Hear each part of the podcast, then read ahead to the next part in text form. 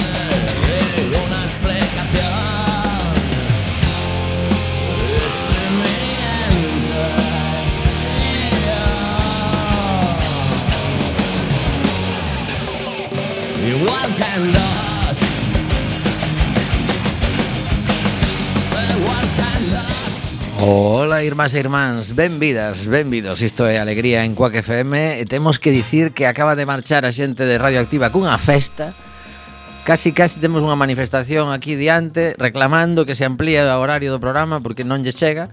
Teñen tantas cousas que contar e, bueno, a verdade que é unha alegría enorme eh, ver a esta xente sair do, do estudio cun subidón espectacular. Eh, parabéns a nosa compañeira Clara por unha nova que nos acaba de dar. Parabéns a todo Quack FM por unha nova que non podemos dar aínda, pero en cuestión de horas vais a saber algo chulo. Tic tac, tic tac. Aí estamos, así que bueno, é un día un día deses eh, molóns sumándolle que eh, tal día como hoxe no ano 65, 65 66 teño que buscar aí o dato. Coñecer os seus pais. Ala isto é tremendo tremendo. O programa de hoxe vai ter unha entrevista telefónica. Falaremos do Corufest que se está a celebrar estes días na nosa cidade Con múltiples actividades ben interesantes E traeremos ao estudio, se todo vai ben, a un director de cine. Para películas está o señor Baltar, o seu abogado, a Suiza de Puebla de Sanabria, que menuda festa que están montando. Bueno, isto é como, a ver, Mariano, ti que, que estiva, estudiaches dereito, vamos a ver, organización. Eh, que lle pode pasar ao fenómeno do, do abogado por non aparecer? Primeiro, dixo que non podía porque tiña outro suizo Pero despois lle dixo a Suiza Non te preocupes, poñemos máis tarde que o suizo non durará toda a mañá E despois, ahora que lle puxeron como segundas non apareceu. E mañá, ás 9 da mañá, están convocados de novo, tanto o señor Baltar como o seu abogado, que ademais non é un cheiñas, é un señor que estivo xa en Filesa, na Gürtel, Vamos, que o chaman para casos moi gordos, ou sexa que este home, eh, señor Baltar, non se está tomando ni moito menos a broma o posible delito que, bueno, o, o delito que cometeu casi, vamos, presunto. Presunto, eso. Estaba estaba buscando mm, como dicilo correctamente. Xamón en portugués. Exacto. Ben, entón a, a xogada é que mm, algún tipo de consecuencia para non, mm, no? así pon cara de Mariano de, de, que, de que isto podese faltar ao suizos en graves ver, consecuencias. No, eh, supoño que que terá alegado algunha causa xustificada e por eso se mm, reubica. O máis grave que che pode pasar é que te xulguen en rebeldía, non? O sea, que ti non queres A ver, el xustificou a, prim a primeira porque tiñan unha hora na que dixo que non podía asistir porque tiña outro suizo citado previamente, o sea, no que estaba citado previamente, pero iso, a xuiza dixo, bueno, pois pues non te preocupes que poñemos máis tarde ah, telemáticamente. Pois pues dirá, non sei, unha causa de forza maior, vale, o sea, vale. puxenme de parto. E se mañán non aparecese, se empezaba a causa Home, en algún momento terá que comparecer. Ah, claro, pero non é o mesmo comparecer dentro de un mes que mañá que empeza a campaña non electoral. Vai, non vai no seu beneficio ir adiando, eh?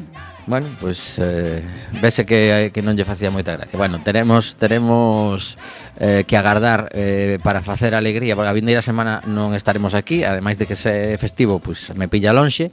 Eh, Regresaremos o mércores 24 de maio. Eh, es, Ao mellor, pois, pues, estará xa recurrido o que lle impoña. A ver, ter, ter a ver, non, non creo que haxa sentenza de aquí ao 24 de maio, eh? Ver, estamos, estamos falando de xuizos rápidos, eh? Que isto mellor vai todo a un ritmo que non é o habitual, ni moito menos. Ostras, pero farán todo posible para que non saia unha sentenza antes de... Bueno, bueno. A, a Suiza eu vexo allá con... Home, se puso un, un suizo o... Tampouco supoño que, a ver, o, Onte, o eh, xulgado eh, de, de, de Puebla de Sanabria entendo que non non son, a ver, non non non son precisamente o xulgado do civil aquí da Coruña, eh? A mellor a cosa ali que está tranquila, máis ou menos. Claro, eh... ali teñen, te, te, supoño que, o sea, básicamente porque, a ver, por moi litixiosos que sexan na comarca de Sanabria, son poucos.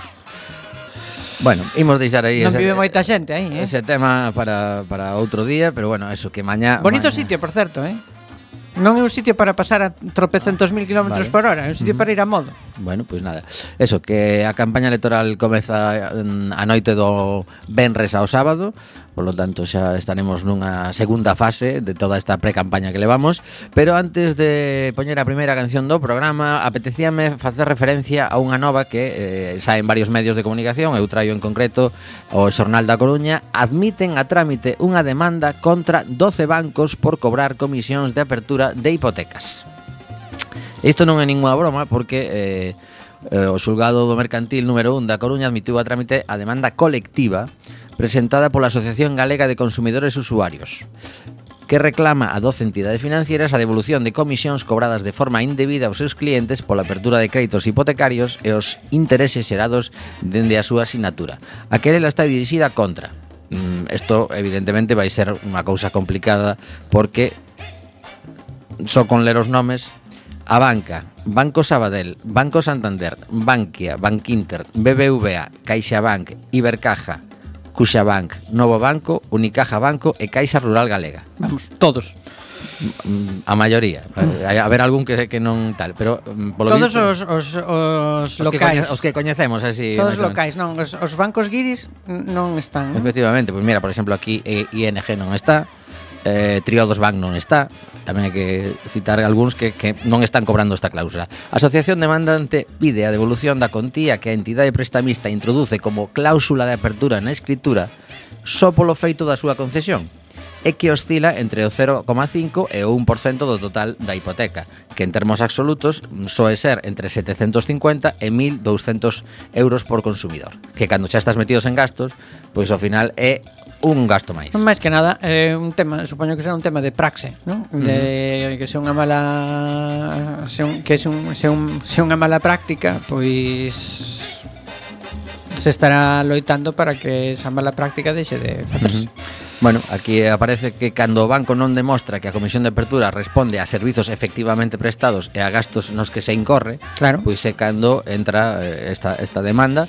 En concreto, están baseados nunha sentenza do Tribunal eh, de Justiza da Unión Europea de marzo deste este ano. Bueno, en, é, é un, entón, claro, xa se entende por que se fai, non? O sea, é un, se intenta traspoñer unha sentenza do ámbito europeo e por iso os bancos europeos non están sendo demandados. Pode ser, pode Porque ser. seguramente xa xa foran no seu no seu día e xa o aplicarán Bueno, esta sentenza é de agora, eh? o que pasa é que mellor se viña de outras anteriores e dixeron, imos cortar o grifo porque depois vai ser peor. A ver, aí tamén tamén están as distintas as distintas digamos os, as distintos ordenamentos xurídicos dos distintos países da Unión, uh -huh. non? Que supoño que operarán. Igual hai países nos que o teñen moi moi claro e outros nos que non tanto, pero está ben que nun mercado único, non? Eh, as operacións económicas se como un préstamo, se rixen por pola mesmas polas mesmas reglas. Veña, pois imos coa primeira canción do programa que temos esa entrevista xa nada máis eh, eh, que escoitemos un par de minutos de canción e eh, recomendaron un dos concertos desta fin de semana na cidade Brais Morán, un músico que leva un montón de tempo xa en riba dos escenarios xa ten varios premios Martín Codas da música e eh, estará na sala Mardi Gras eh, presentando o seu proxecto Brais Morán and Nassau Funk xunto aos vigueses Mooncresta que comenzaron tamén no ano 99. Imos a hablar con Funk Salvaje.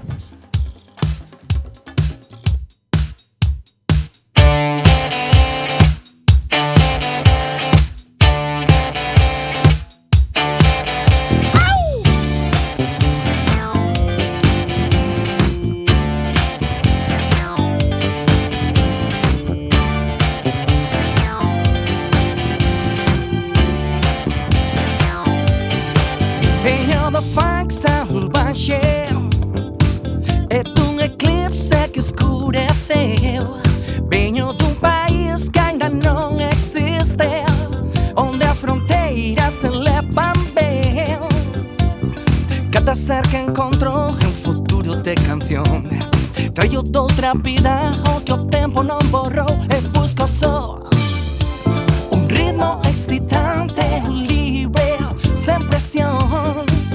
Dame o teu fax ao baixo. Dame teu fax, vai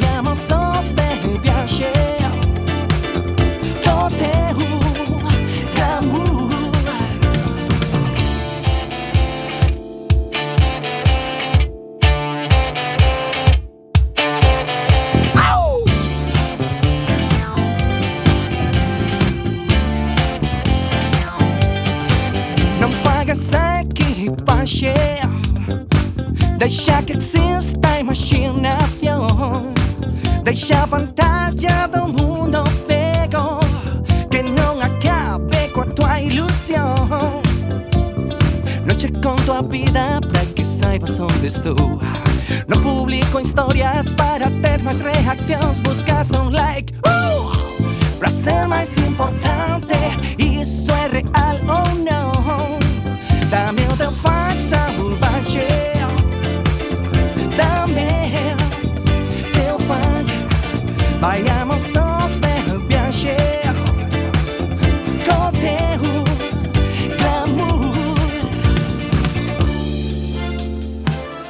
Temazo este de Bryce Morán para botar uns bailes. Eh, temos eh, a outro lado do teléfono a Gustavo del Río. Hola Gustavo, boa tarde. Boa tarde, que tal? Como estades? Mm, Nos estupendamente, eh, Gustavo é un dos eh, directores do Corufés, xa levan seis edicións traballando por un, un festival que, que recolle un montón de propostas eh, chulísimas e moi variadas. Eh, non sei como van as enerxías. Pois as enerxías van estupendamente, a verdad que estamos tendo unha boa acollida de público nestes primeiros días do festival eh, e, e a verdad que contentos, contentos co, co resultado e can, canta máis xente veña a, aquí aos recintos municipais da, do Concello a ver este festival, pois pues, por nos encantado. Uh -huh. Bueno, aínda quedan bastantes cousas que disfrutar, pero imos facer unha mini parada no que xa levades eh, visto, en, onte mesmo en concreto pois había unha actividade realmente importante, en este caso non era non eran artes escénicas, pero sí que a reflexión tamén está dentro do Corufest. Sí, sen dúbida, para nós levamos xa nos facendo ese, esas anelas, esas esas ventas que de alguna forma dan lugar a esos encontros, a esos diálogos permanentes, lo, digamos, en ámbitos educativos, de divulgación, todo o que ten que ver co co, digamos, con preocupacións que son de todo o mundo, non só da población LGTBI, eh, neste caso eh, con Roy Galán e Paco Tomás que tivemos onte unha charla sobre o acoso escolar eh, que estaba, digamos, aderezado, gustame utilizar esa palabra, aderezado co, con, con escenas de, do espectáculo Mosca, da, de Ártica Teatro, eh, e a verdad que foi un, un un encontro moi interesante. Uh -huh. Para, para a xente que non, non puidemos estar onte, eh, non sei se de algún xeito saes con, con conclusións, aínda que sexan a nivel persoal, de como loitar contra esa barbarie, podemos dicir, que é o, o acoso escolar.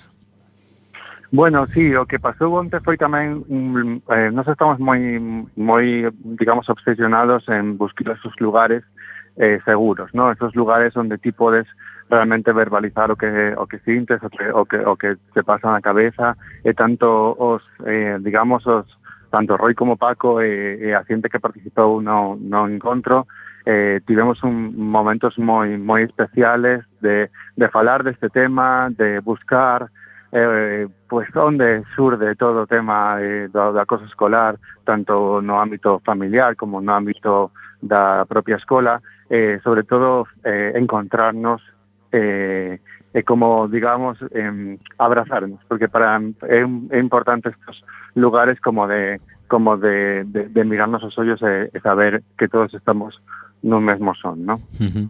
Imos avanzar no, no que queda pendente porque ata o día 14 hai un montón de actividades do, do Corufest eh, e así, pois, eh, máis ou menos por orde cronolóxica creo que podemos facer un, un repasiño para que a xente que, que nos escoita pois eh, vaya, vaya tomando nota eh, e tente achegarse ás actividades. Hoxe temos algunha cousiña aínda no que queda de día?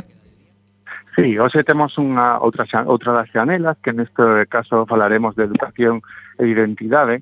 Para nós é moi importante eh, eh, seguir falando do ámbito educativo. Ah, Onde saiu este tema moitísimo e eh, creo que é algo que debemos ter en conta no festival.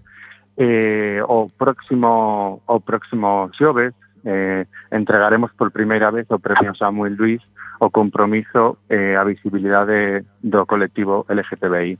Neste caso cae no, cae no, na Fundación 26 de Decembro, que é unha fundación que vela polos dereitos dos maiores, LGTBI, unha fundación estatal que está abrindo camiño aquí en, en Galicia, en Coruña concretamente, e facendo un dos primeiros pisos tutelado para maiores LGTBI. Eh, en Madrid está facendo moito traballo en temas de memoria de memoria histórica e eh, de darlle un pouco esa xustiza social que deben ter moita xente que en un momento determinado foi apresaliada, foi discriminada, eh, asesinada, eh, no, digamos, na dictadura, ¿no? Uh -huh. eh, despois... Eso, eh, eso será mañá, ah, a, perdón, ás 6 da tarde, creo que é mañá. Ese mañá ás seis da tarde, uh -huh. sí. Estáis aí invitados todos, vai uh -huh. ser un acto cutiño, un acto de entrega, de falar da fundación, de poñer un pouco en valor eh, este, este primeiro reconocimiento, o primeiro reconocimiento que facemos no festival, eh, eh, digamos que siga sendo así, porque o que queremos é seguir coa memoria de Samuel, uh eh, Luis eh, pois durante moitos anos. Uh -huh. Isto é no agora, eh, no agora, perdón. No agora, sí, oh, correcto. no auditorio do agora. Uh -huh. Ok.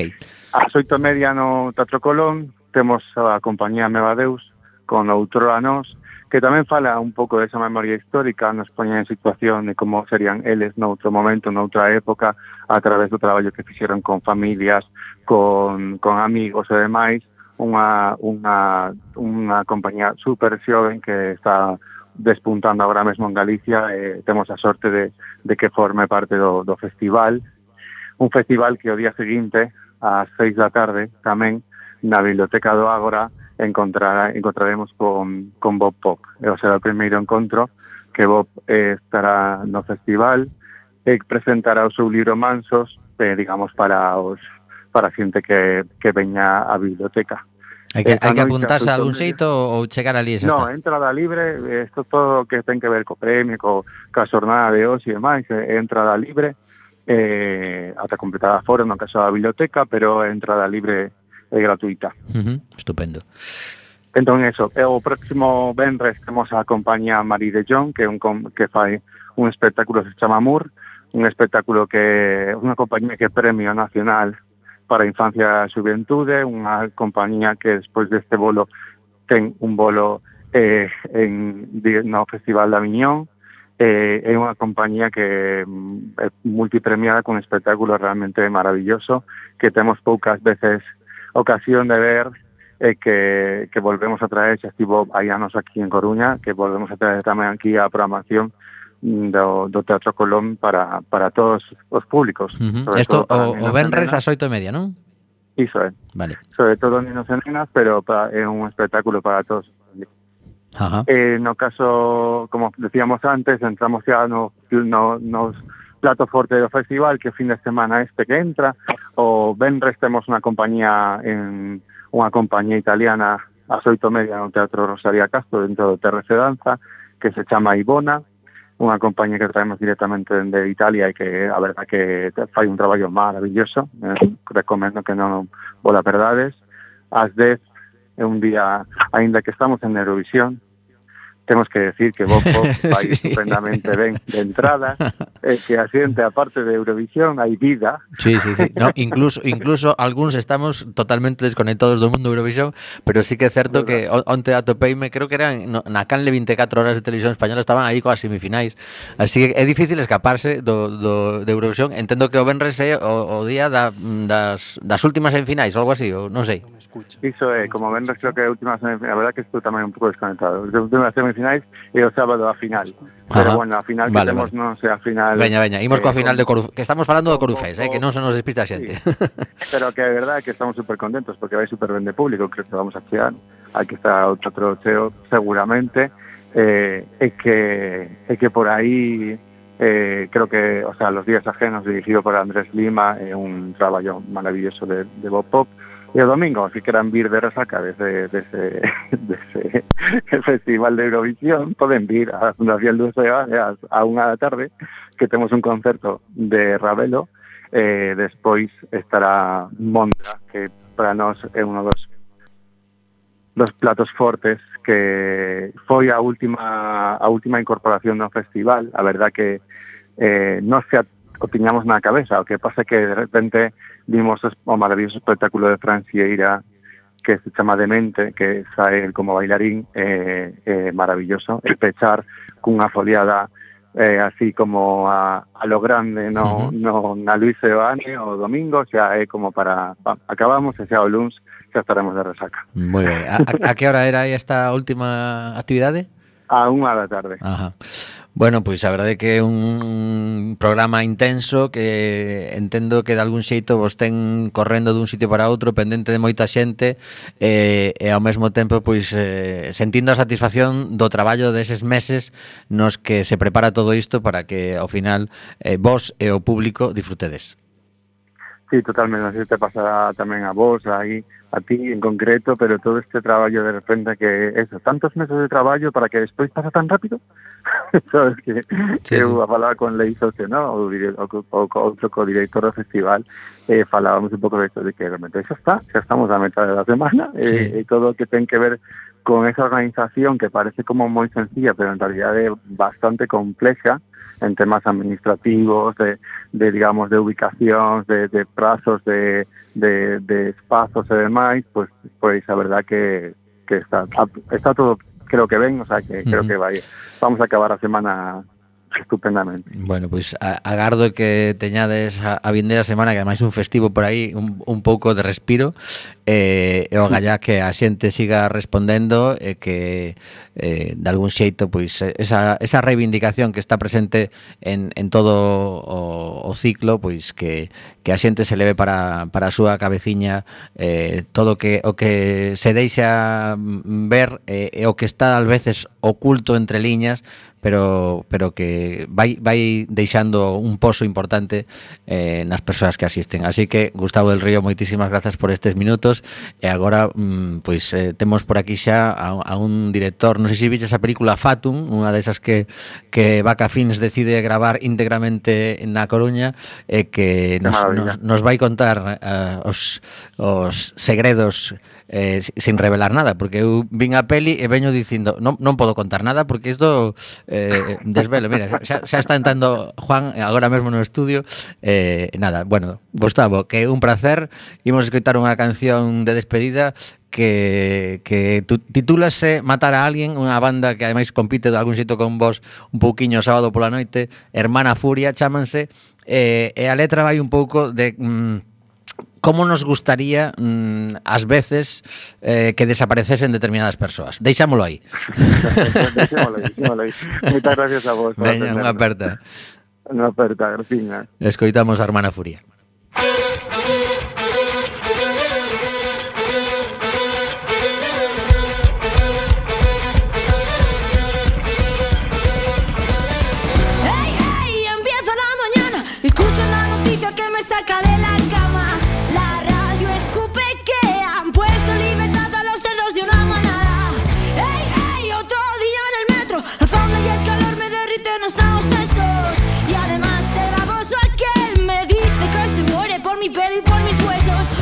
que voy a matar a alguien. ¡Ey, ey! No agaches la mirada, no mires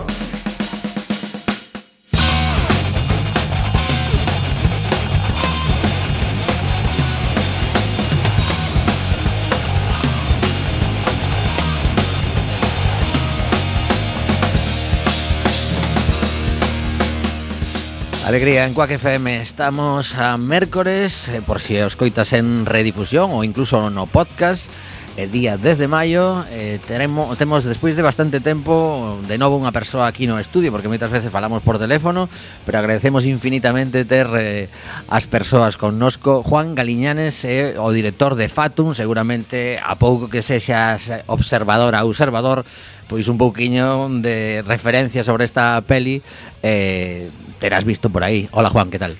Hola, moi boas tardes. Bueno, pois eh, a verdade é que eu fun a ver a peli Eh, eu tamén Fixeches ben, fixeches ben Hai que dicir que absolutamente recomendable A xente ademais de Coruña Pois temos aí esa, esa cousa de que Sempre Vaca Films aposta por, por rodar en, en Coruña E acabas atopándote un montón de cousas Neste caso, menos chocantes que noutras pelis que facían que o Coliseum fose eh, o mellor pois unha comisaría de policía, me parece, algo así, non? Sí, neste caso eh, Coruña vese, eu creo que como é, eh, a verdade é que moita xente cando Me fal falamos do, do tema de, ah, rodastes en Coruña, pero eh, unha Coruña que, que non se ve o paseo, non se ve todo bonita que Coruña, non, é que a intención non era que fora bonita, o sea, a intención era contar unha historia en Coruña e Coruña como calquera lugar uh -huh. eh, ten eh, pode ser un marco incomparable maravilloso, pero que máis é Coruña, Coruño é eh, cinematográficamente me parece que é un lugar que se presta moito a, a que, bueno, pois contemos historias en case todos os rincóns que ten, non solamente precisamente precisamente no, no, no paseo ou a pé da Torre de Hércules, non? Entón, pois sí, a, a, a película titulase Fatum, e de algún xeito, pois pues, unha, unha palabra latina que dá unha pista, cando a ves, non antes, pero cando a ves o, podes intuir de algún xeito Eh, por que escolliches ese título? Mira, o título dimoslle moitísimas voltas ademais porque era como que é Fatum e para a xente preguntame que é Fatum e eu dicía, bueno, pois pues, a mellor está moi ben que a xente non saiba que é Fatum porque a mellor vas a buscalo. A min pasa as veces cando mm. cando estás eh, vendo algo e non sabes que é, pois que o primeiro que faz é entrar en Google e, e mirar que é Fatum, non? e, e Fatum é o destino. Fatum é o destino e o destino nesta película xoga un papel moi importante.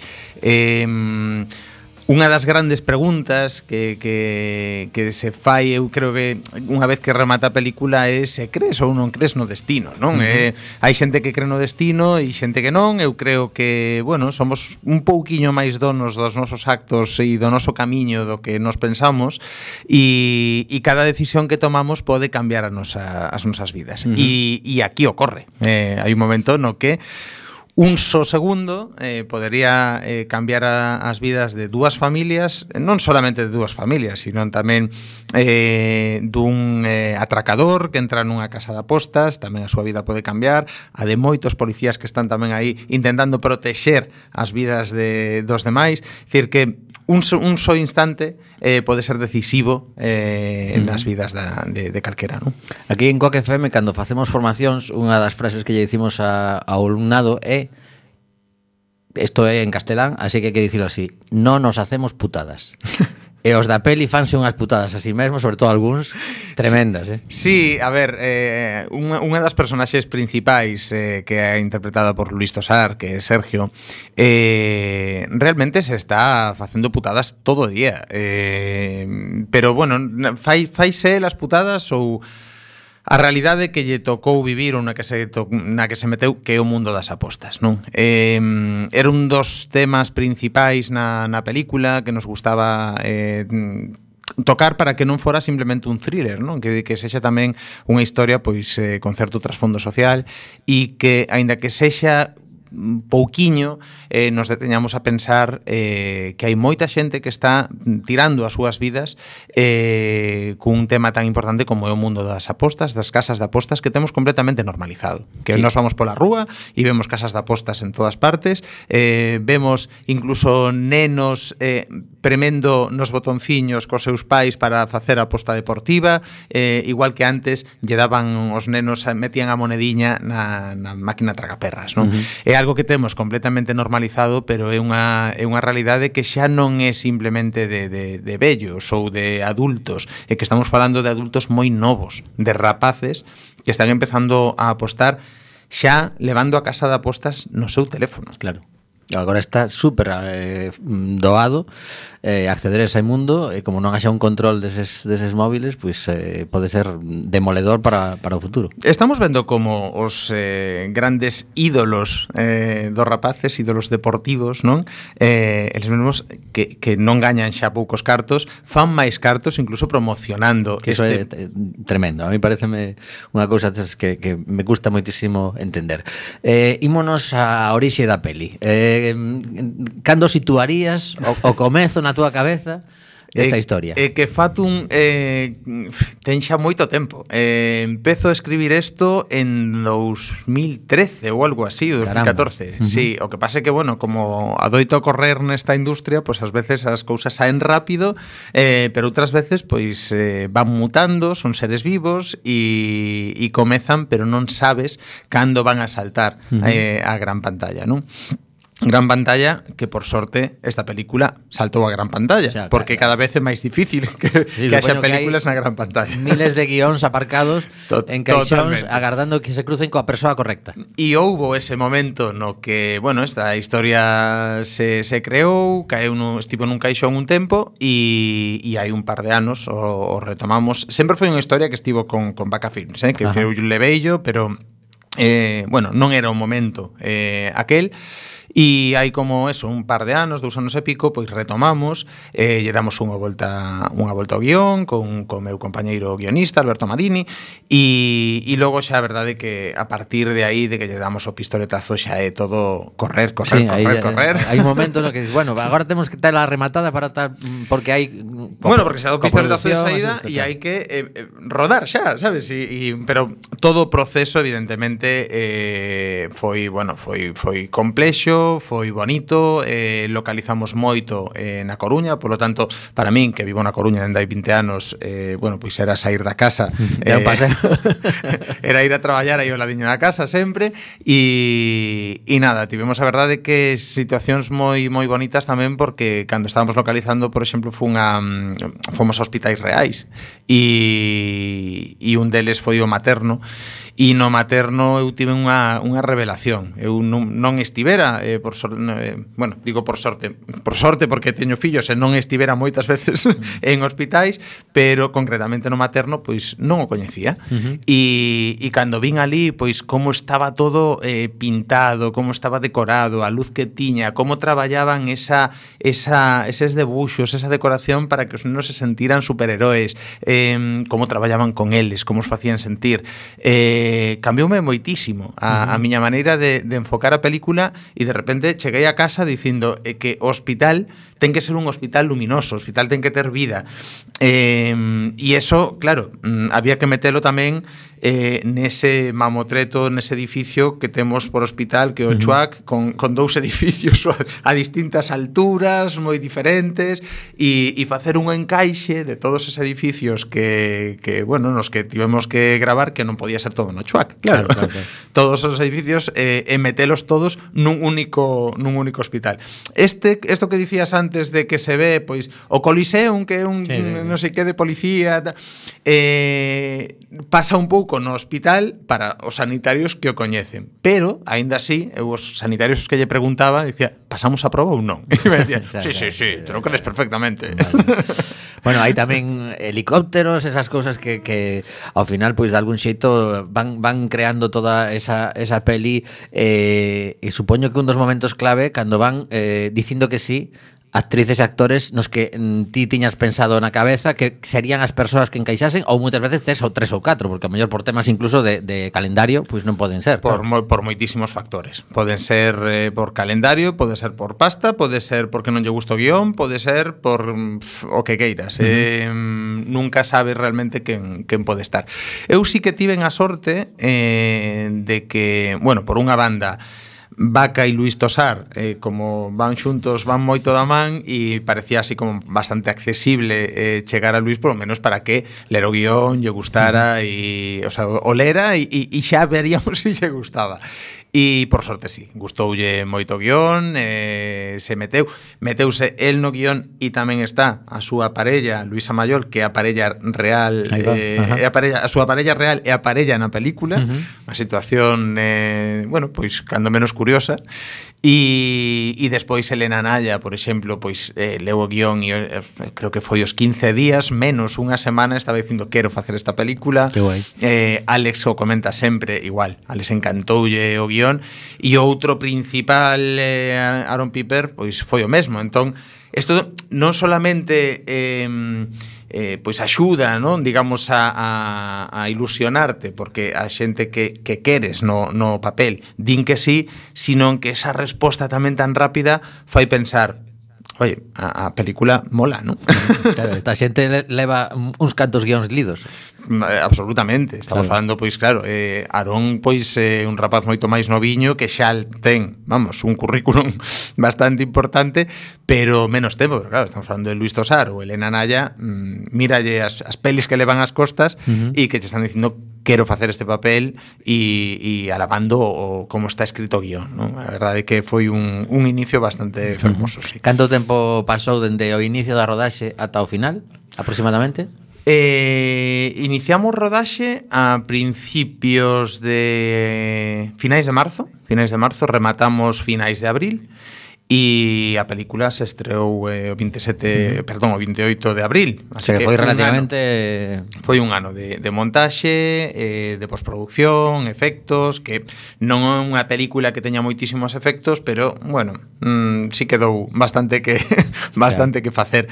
E logo que sempre dá todo, sempre todo dá moitas voltas e tes que agardar tamén o, o, mm. o momento para escoller cando vas a estrear a película, porque yeah. cada vez é máis complicado pelexar hai, con Hai unha pregunta que isto me interesa porque eu como como me dedico a organizar concertos e sempre estamos chocando sin enterarnos do que fan os demais, dentro do cine hai máis ou menos información do que están sacando as grandes produtoras españolas en que momento vai ir unha peli para non ter a, a estrena a mesma fin de semana. A ver, hai algo, hai algo que sí que eh, digamos eh, o traballar con distribuidoras grandes elas tamén teñen que facer claro. unha promoción. Uh -huh. Entón, esa promoción non a podes facer alegremente e logo arriscarte a non ter salas. Eh, as salas, eh, digamos que xa están collidas para ese día, uh -huh. falas con, con, perdón, con exhibidores, Os exhibidores xa están agardando polas películas grandes das majors eh, e, lóxicamente, ti como algo máis pequeno eh, tes que estar buscando a túa,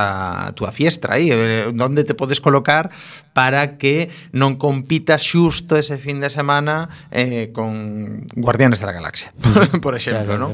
E, e nos, bueno, pues, estreamos o, o, o fin de semana a, anterior xusto a Guardianes da Galaxia, porque sabíamos ademais que, bueno, pues, eh, a estrea de Guardianes da, da Galaxia iba a, a, a arrasar, non? Coa, coa taquilla. Ainda que non sexa o noso público, porque porque non o é.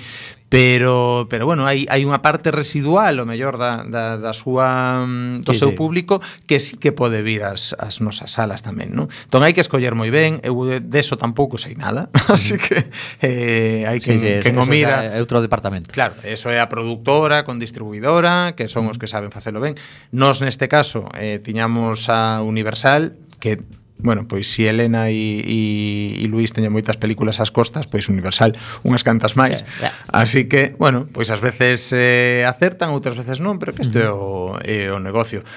Nos, a verdade, que o primeira fin de semana eh, foi, foi moi ben eh, toda España con resultados evidentemente post pandemia porque hai que animar a xente a ir ao cine outra vez e vivir mm. onde se vive o cine de verdade que nas salas. E, bueno, pois temos resultados post pandemia pero, pero uns bons resultados do, da primeira fin de semana. Eh, a película aí está está, está aguantando eh, con moi boas críticas moi boas sensacións en xeral E, e concretamente na Coruña ata onde sei, polo que me contan que eu antes decía que vin a película, claro, vina porque son director moitas veces, uh -huh. pero eh, non estou tan tolo como para ir ás salas. Claro, todos os días. En Coruña non estiveches máis que na estrea. Nada máis, nada vale, máis, vale. pero sí Vou que... contar unha pequena anécdota, o, eh, o día que estiven eu, eh, foi curioso porque cando chegaron os créditos, Ali non se movía ninguén.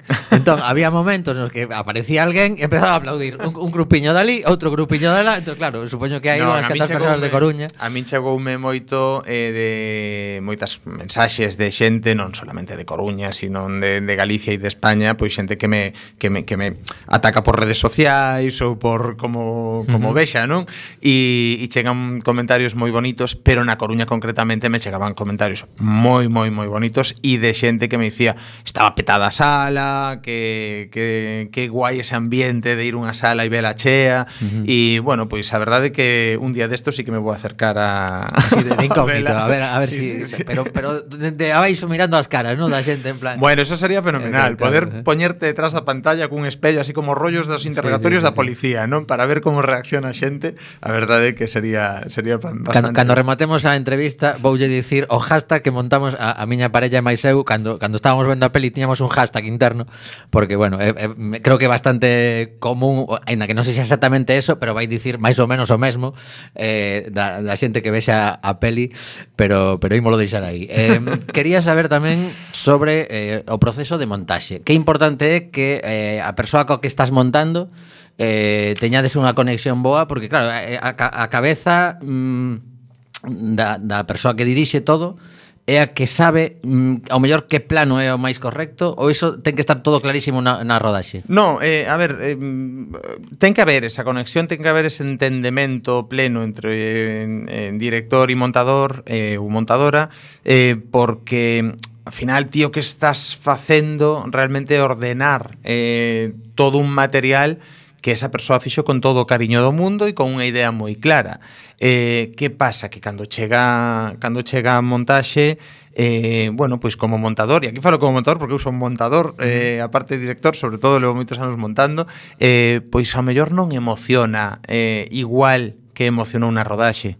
Eh, a mellor, o mellor a, a toma 3 é a que por algunha razón das seis tomas sempre che fai eh, que mm, sentir un cosquilleo no, eh, dentro e disi por qué? Si realmente di o mismo uh -huh. e se xira no mesmo momento, sí, pero hai algo eh, que che fai sentir ou non sentir, non?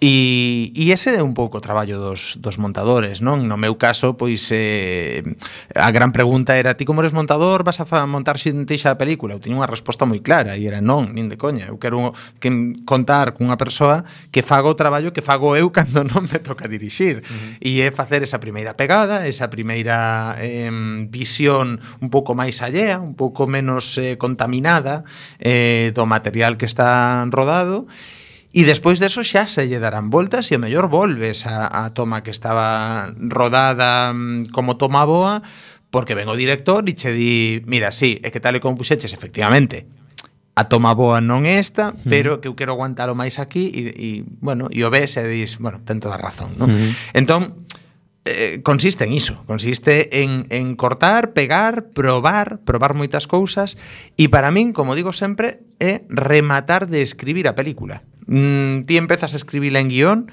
e rematas de escribila en montaxe. Precisamente iba a preguntar se desaparecen da, da do que vimos, eh, os que vimos ao cine, desaparecen escenas que estaban no, no guión, porque ao final diste, bueno, pues isto aquí se me cae, isto está moi eh, es, me queda moi longo e non non aporta nada. Totalmente, caen esteas eh, de guión, eh, xa cando vas a rodar porque te enfrontas de repente a como no noso caso, seis semanas de rodaxe e si queres meter todo, eh, o mellor tes que facer que algunha estea importante este peor rodada. Ajá. Entón, pois evidentemente chega un momento no que aí sí que te enfrontas a decisións importantes e é cando te das conta de que esa secuencia que estaba escrita con moita literatura e que bonita, pois o mellor é que non fai falta. Sabes que estas cousas pasan. Entón xa cando vas a rodaxe, ás veces eh, se reescriben cousas de guión, eh, nos ensaios cos actores se reescriben tamén diálogos. Eh, se escriben diálogos, situacións, movimentos, o mellor tes plantexada unha situación para dous actores que, que veñen e, e che din e por que mellor non nos miramos, sabes? E, uh -huh. e dis, bueno, pois pode ser e plantexas unha secuencia completamente diferente. O feito de mirarse ou non mirarse fai que teñas que reescribir diálogos tamén, claro. porque mm, se si non miran os dous ao mesmo sitio non ten sentido o, o diálogo uh -huh. tal e como estaba. Poño un exemplo, non? Pero pero logo evidentemente unha vez rodado, chegas á sala de montaxe e moito material que está rodado mm, non se utiliza nunca, uh pero que xa non chega casi nin a primeira versión, porque xa o ves e dis, pero para que rodei isto, non? Claro. Eh, e outras veces que non, que o que ocorre pode ser que digas por que non tería rodado isto. Tamén, claro, Tamén. claro. Pero bueno, chorar en montaxe xa non sí, vale. No, no, claro. E o que tes no, non vai a volver todo o mundo. Pero mira que se me ocurriu, non me fastidies.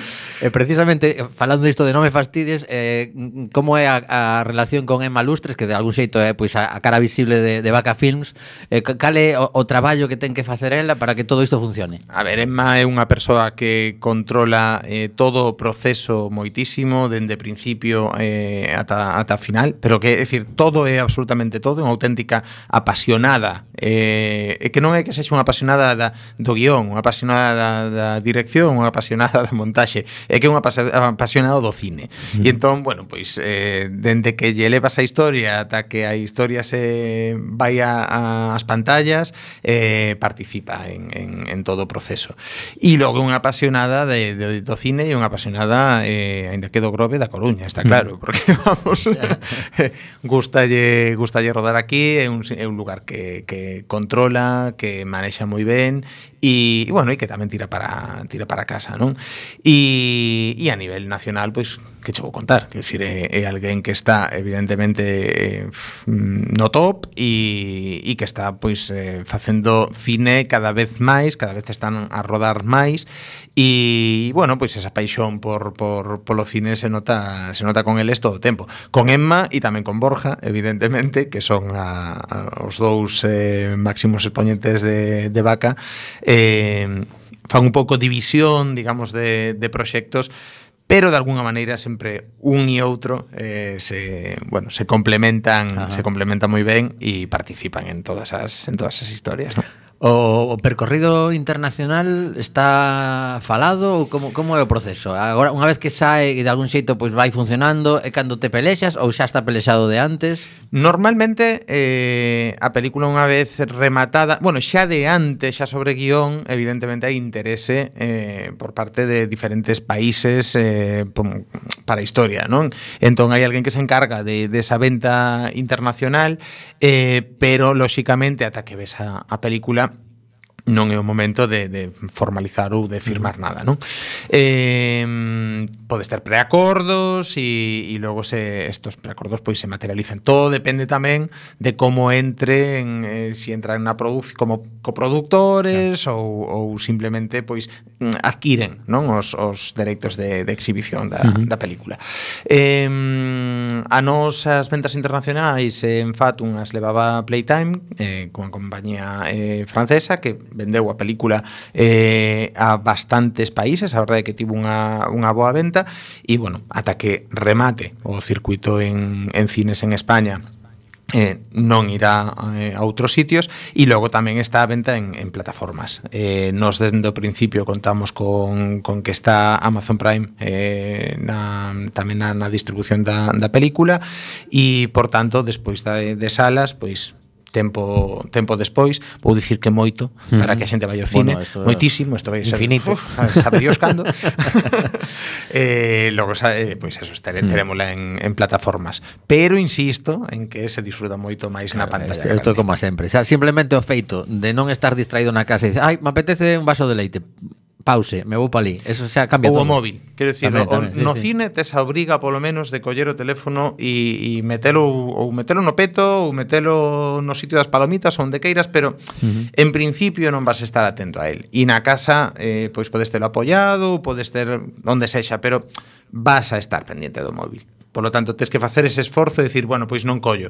Pero seguramente mires que enchama. Eh, no cine xa dis, bueno, pois mm. mm. durante unha hora e pico non collo porque non vou levantarme, sair da, do cine, falar e volver a entrar. E eso fai que, pois, que sexa esa, esa experiencia, bueno, tamén de vivila un pouco de coa, coa xente, experiencia catárquica, ese, ese rollo de, de dicir, vou disfrutar, de, de que me conte unha historia durante 90 minutos, neste caso, duración que moita xente me agradece tamén. Uh -huh. e, e que non facer outra cousa durante ese tempo, non? Pois sí, hora e media é un, un tempo maravilloso, un partido de fútbol si, si non houvese o descanso. Eh, Juan, eh, última pregunta que temos o programa vai ser así, porque hai 57 temos que rematar, así que levamos máis de 25 minutos de charla e xa ves que poderíamos tirarnos aquí horas. A mí, a mí tesme que facer calar. Bueno, pois, pois non te preocupes, eh, que nos, nos fai fa, o, o tempo que que vai marcar. Eh, a película remata cunha canción de Jorge Drexler. Que, mm. quen decidiu que esa película tiña que rematar con os créditos mentras soaba a voz de Drexler cantando esa letra? Culpable. Culpable, son culpables. son culpable. Eh, sempre complicado escoller os, os temas nas, nas películas cando son temas eh, coñecidos porque eh, si ben nos tiñamos eh, a Manu Ribeiro que fixe unha banda sonora maravillosa da, na, na película, sí que había como dous momentos mm, que queríamos que sonara, bueno, pues que sonara unha, un tema eh, máis recoñecible, non? Polo, polo espectador ou que fora polo menos un tema non non composto. Eh, no primeiro caso, pois un tema mm, eh, sonaba un tema de, de Anier, eh, a rapera que non non é moi coñecida, está facendo cosas creo que che, chegará a facer moito moito máis, pero que non é moi coñecida, pero logo, pois ao final de todo, pois sonaba xa máis coñecido Jorge Drexler eh, cunha canción que ten, bueno, pois unha letra eh, que eu creo que ten moito, moito, moito que ver coa, sí. coa historia, non? Que, sí. que ten que ver co, pois, co, co mundo das, eh, das donacións, que é outro dos temas eh, moi, eh, digamos, máis de trasfondo social eh, na película, que é un tema que eu creo bonito, necesario e tampouco tratado moitas veces porque é un tema duro por unha, por unha parte, pero ao mesmo tempo tan fermoso como o feito de, de dar vida, non? E esa canción de Drexler, pois así o di, non? Eh, Sí. Cada uno dá lo que recibe e recibe lo que dá. Sí, sí, a verdade é que con, eu creo que se escoitades a letra da canción, e polo que levamos contado aquí sin contar nada, ao mellor vos facedes unha idea de, de por onde pode ir a peli, pero realmente sorprende moitísimas veces ao, ao longo deses 90 minutos e, eh, e eh, bueno, que, que de verdade que Faton aínda está eh, a vosa disposición, non agardedes a que chegue a, a pequena pantalla e, eh, e de verdade que, que bueno, que o traballo que facedes as persoas que, que nos traedes pois eh, arte en xeral. Eu sempre sempre defendo que, que mm, o ser humano, unha das cousas que di un, un compañeiro que ten unha sala de concertos dende fai 37 anos, é que eh, se non houvese arte, eh, un ser humano sería como o ornitorrinco. É unha frase que me fai gracia, pero creo que, que venga com, com, completamente completamente certo, e o levamos facendo dende as cavernas, pintando nelas ou ao redor dunha lareira cunha voz das nosas aboas e simplemente o crepitar do lume, non? Pois sí, rematamos este alegría Mr. Bugalú estivo nos mandos técnicos Voltamos dentro de dúas semanas eh, o ben o letras galegas E quedade en Quack FM Chao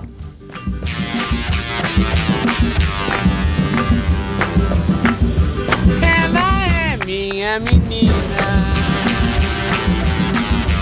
E eu sou o menino dela.